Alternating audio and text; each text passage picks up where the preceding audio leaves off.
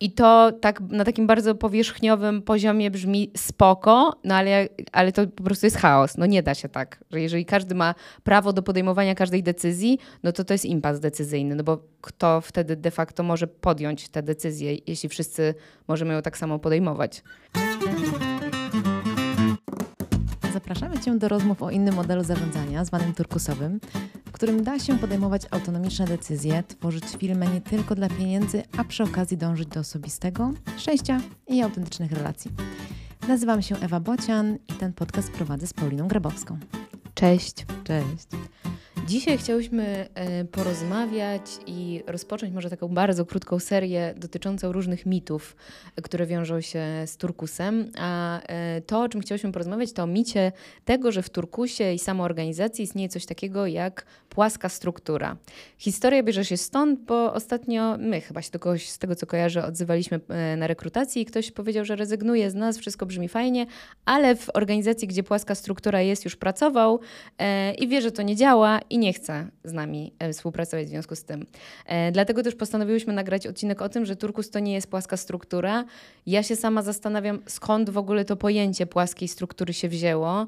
E, wymyślę sobie, i to jest moja interpretacja, skąd to mogło się wziąć, no, że to się wydaje jakieś takie fajne i że tak będzie nam łatwiej i że to jest takie mm, z jakiegoś takiego duchu przyjacielstwa i no, tego, żeby, żeby po prostu no, źle nam się kojarzą te tak hierarchiczne struktury, a w związku z tym, jak nie hierarchia, no to płasko. No i to w Turkusie tak nie jest. Tak, skoro nie hierarchia, to musi być płasko. Ja powiem szczerze, mm, wielokrotnie spotykałam się, spotykam się cały czas z tą y, taką ideą, że y, w samoorganizacji, w turkusie, w holakracji w ogóle nie mamy hierarchii. Mhm. I ja się z tym zgadzam i nie zgadzam, mm, ale stanowczo powiem szczerze, że jak myślę sobie o pojęciu płaska struktura, to mam obecnie tak, że nawet nie mam siły się zastanawiać, o co może chodzić mm -hmm, komuś. Mm. I jak myślę sobie o.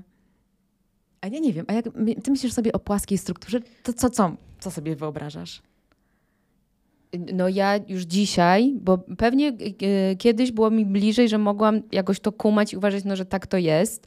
E, też wiem, e, że no, my sami kiedyś mówiliśmy, że rzeczywiście w Turkusie nie ma stru struktury i hierarchii, co jest nieprawdą i dzisiaj już to wiem, że to jest nieprawdą, ale jak myślę o płaskiej strukturze, no to myślę o tym, że wszyscy mogą robić wszystko i każdy może mieć wpływ na wszystko i podejmować wszystkie decyzje i to tak na takim bardzo powierzchniowym poziomie brzmi spoko, no ale, ale to po prostu jest chaos. No nie da się tak, że jeżeli każdy ma prawo do podejmowania każdej decyzji, no to to jest impas decyzyjny, no bo kto wtedy de facto może podjąć tę decyzję, jeśli wszyscy możemy ją tak samo podejmować. I z tym hmm. mi się kojarzy, że to wypłaszczenie oznacza, że wszystko, wszyscy razem no trochę na zasadzie, to sobie rozmawiałyśmy jeszcze przed nagrywaniem odcinka, w jakiejś właśnie grupie relacji, znajomych, y, kolegów, koleżanek, gdzie jesteśmy jakimś takim kolektywem. Co prawda, z drugiej strony też myślę, że zawsze tam, gdzie się pojawiają ludzie, pojawia się jakaś dynamika, że jakoś się dzielimy tymi y, obowiązkami i wtedy pojawia się ta sama organizacja, no, która nie jest tym, że każdy może robić wszystko i tak, jak mu się podoba i ma wpływ na każdą jedną możliwą rzecz bo no to jest po prostu kontrproduktywne. Mm. Tak jak myślę sobie o tej płaskiej strukturze, to wyobrażam sobie, że ta potrzeba nas jako ludzi do tego, żeby być widzianymi, słyszanymi, yy, mieć równe prawa, mhm. nie? nie być w pozycji tego, kto ma mniej praw i mniej mhm. może jako człowiek, mhm. yy, tutaj chyba wybija. Mhm. Że to jest taka, wiesz, ta pierwotna potrzeba uznania, że każdy człowiek potrzebu, ma potrzeby i my te emocjonalne -hmm. potrzeby generalnie mamy takie same. Mm -hmm. Ich jest skończona też ilość. Mhm. Jak patrzymy na NVC, no to możemy je rozpisywać może na kolejne strony, ale na koniec dnia my je wszystkie mamy w mniejszym lub mhm. większym zakresie. I mam poczucie, że ta potrzeba tej płaskiej struktury jest właśnie bardziej o tym. Mhm. Natomiast kiedy wchodzimy w realizowanie jakichkolwiek zadań, tak. to o czym mówiłaś, y, no to będzie jakaś hierarchia. I z jednej strony myślę sobie o tej hierarchii, do której jesteśmy przyzwyczajeni, czyli tej władzy. Ja, bo mam stanowisko, to mam władzę nad kimś. No i to jest to, od czego próbujemy odejść, bo to boli. To po prostu boli nas ludzi, nie? jako istoty żywe. Boli nas to, że nie możemy decydować o sobie i że ktoś za nas, ktoś mhm. nam mówi, jak mamy żyć. No i pewnie to powtórzymy już kolejny raz, ale myślę, że to jest istotne, no, że ta typowa hierarchia, która jest o stanowiskach, a nie o kompetencjach, jest o tej władzy, jest często o stażu i tam najczęściej pojawiają się te konflikty, no, że dlaczego ty podejmujesz decyzję, o czym tak naprawdę nie masz zielonego pojęcia, jesteś tak bardzo daleko, ale decydujesz o tym, jak ja mam pracować, nie słuchając tego, co jest moim zdaniem najlepsze w danej sytuacji i tutaj pojawia się e, mhm. no, ta frustracja i to niezrozumienie. I jak myślę sobie o takiej zdrowej hierarchii, mm, to jeden z fundamentów zdrowej hierarchii dla mnie to kompetencje, wiedza, doświadczenie. Ja coś potrafię, w związku z tym tu będę liderem. Mhm. A ponieważ na przykład ty tego nie potrafisz, no to będziesz moim followerem, nie pójdziesz po mhm. prostu za mną. Nie? No, będziesz na przykład słuchała tego, co mam do powiedzenia i brała to pod uwagę, no bo wiesz, że ja tam przez na przykład lata pracowałam, robiłam to, mam wiedzę, doświadczenie, umiejętności, jakieś talenty. No ale przyjdzie taki dzień, albo nawet przyjdzie taka minuta za chwilę, kiedy będziemy w przestrzeni, w której ja się po prostu nie znam. Ja pójdę za tobą. I to jest zdrowa hierarchia. Wtedy mhm. nie ma mhm. znaczenia, kto ma ile lat, bo czasami dziecko może być tak naprawdę lepsze w czymś mhm. niż my. Patrz, obsługa y, urządzeń mhm. nie? technologicznych, e, aplikacji, gier i tak dalej. No a czasami my będziemy bardziej doświadczeni, bo na przykład my potrafimy jeździć samochodem, nie? Mhm. I dziecko no, grzecznie wsiądzie z, nie? na siedzenie pasażera. I dokładnie to samo jest w organizacji my nigdy nie mamy wszystkich kompetencji do zrobienia wszystkiego, szczególnie w obecnych realiach. I o wiele łatwiej byłoby nam funkcjonować, gdybyśmy tę hierarchię kompetencji uznali. Mhm. I to też jest tak, że um, kiedy ktoś uzna moją kompetencję, moją wiedzę, doświadczenie, to mi jest o wiele łatwiej później tak naprawdę się nią dzielić bo ja wiem, że ona jest chciana, że ona jest widziana, że ludzie chcą jej, nie? że jest potrzebna. Więc o wiele mniej oporu jest na to, żeby podążać za tymi hierarchiami kompetencji, niż wtedy, kiedy um, łączymy je ze stanowiskami. No bo mhm. wiadomo, że po czasie gubimy to, nie? Jakby mhm. na początku może i ktoś dostał ten awans, bo miał kompetencje, ale potem to już jest bardziej nie takie gry i zabawy korporacyjne. No i pewnie już też masz jakieś inne obowiązki. Ja sobie myślę, jak to, o czym ty powiedziałaś, że z moich doświadczeń, no, będąc już przeszło trzy lata w organizacji samoorganizującej się, to jest też bardzo istotne, żeby nie gubić tych y, dwóch osi, tak bym to nazwała. Z jednej strony tej hierarchii, która opiera się na kompetencjach, a z drugiej to, co ty wniosłaś, czyli że my nadal wszyscy jako ludzie wierzymy, że mamy równe prawa i równe, y, takie same potrzeby i y, wydaje mi się, że czasami jak zaczynamy mówić o tej hierarchii kompetencji, to zanika ta, ta, ta, ta druga płaszczyzna tej równości, e, że, że wydaje nam się, że, tylko, że to, to może być tylko takie, albo może być tylko takie. I e, no, z moich doświadczeń największą trudnością to jest integrowanie tych dwóch światów, hmm. że one są równorzędne i że przy równoczesnym prawie do um, możliwości spełniania swoich potrzeb na zasadzie, że ja mogę o tym mówić, mogę dawać feedback, mogę jakoś go głośno wygłaszać, no muszę być też jakby skora do tego, że jednak dodatkową rzeczą, która jakoś no, będzie wpływała na, to, na te moje potrzeby, jest właśnie ta hierarchia kompetencji. I to nie zawsze jest łatwe, mhm. że, y, że to jakiś taki no to jest w ogóle chyba historia o tym, o znajdywaniu takiego balansu pomiędzy jednym a drugim. I to pewnie nie tylko na tych płaszczyznach, na też wielu innych, e, no bo życie po prostu nie jest jednowymiarowe i że to jest cały czas jakieś takie no, szukanie pomiędzy tą równością nas jako ludzi, no ale też jednak wpływem na to i branie odpowiedzialności w jakichś swoich konkretnych odpowiedzialnościach. Masło maślane, ale no, mam nadzieję, że jakoś udało mi się to uchwycić, że no to nie jest takie, no że znowu to nie jest historia jakiejś zero-jedynkowości tak. i że teraz jest tylko tak. Albo znowu, że tylko jesteśmy równi i tylko tutaj e, tworzymy sobie Eldorado i no, każdy ma prawo do wyrażania wszystkiego i bycia takim jak chce na takiej zasadzie, no, mm, Bez że, konsekwencji. Bez konsekwencji mhm. i też w jaki, no, w, e, nie o w oderwaniu od świata zewnętrznego i innych ludzi i współistnienia w zespole i w tej samoorganizacji, no, czyli że jestem też z innymi ludźmi. I to jest takie, no wydaje mi się, że tak jak, no, jak tutaj sobie też obserwuję nasze różne rozmowy, że to jest bardzo trudne czasami, żeby to e, połapać. Myślę, że to trochę już zakrawa też o, o drugi temat, e, mhm. który planujemy e, po, opowiedzieć w przyszłym tygodniu, no bo jak znowu to się wszystko łączy i to się nie da tak tutaj nożem poddzielać. Jak myślę sobie o tych hierarchiach również, to mm, trudność, którą mamy w organizacjach bardzo często, to docenienie różnych kompetencji.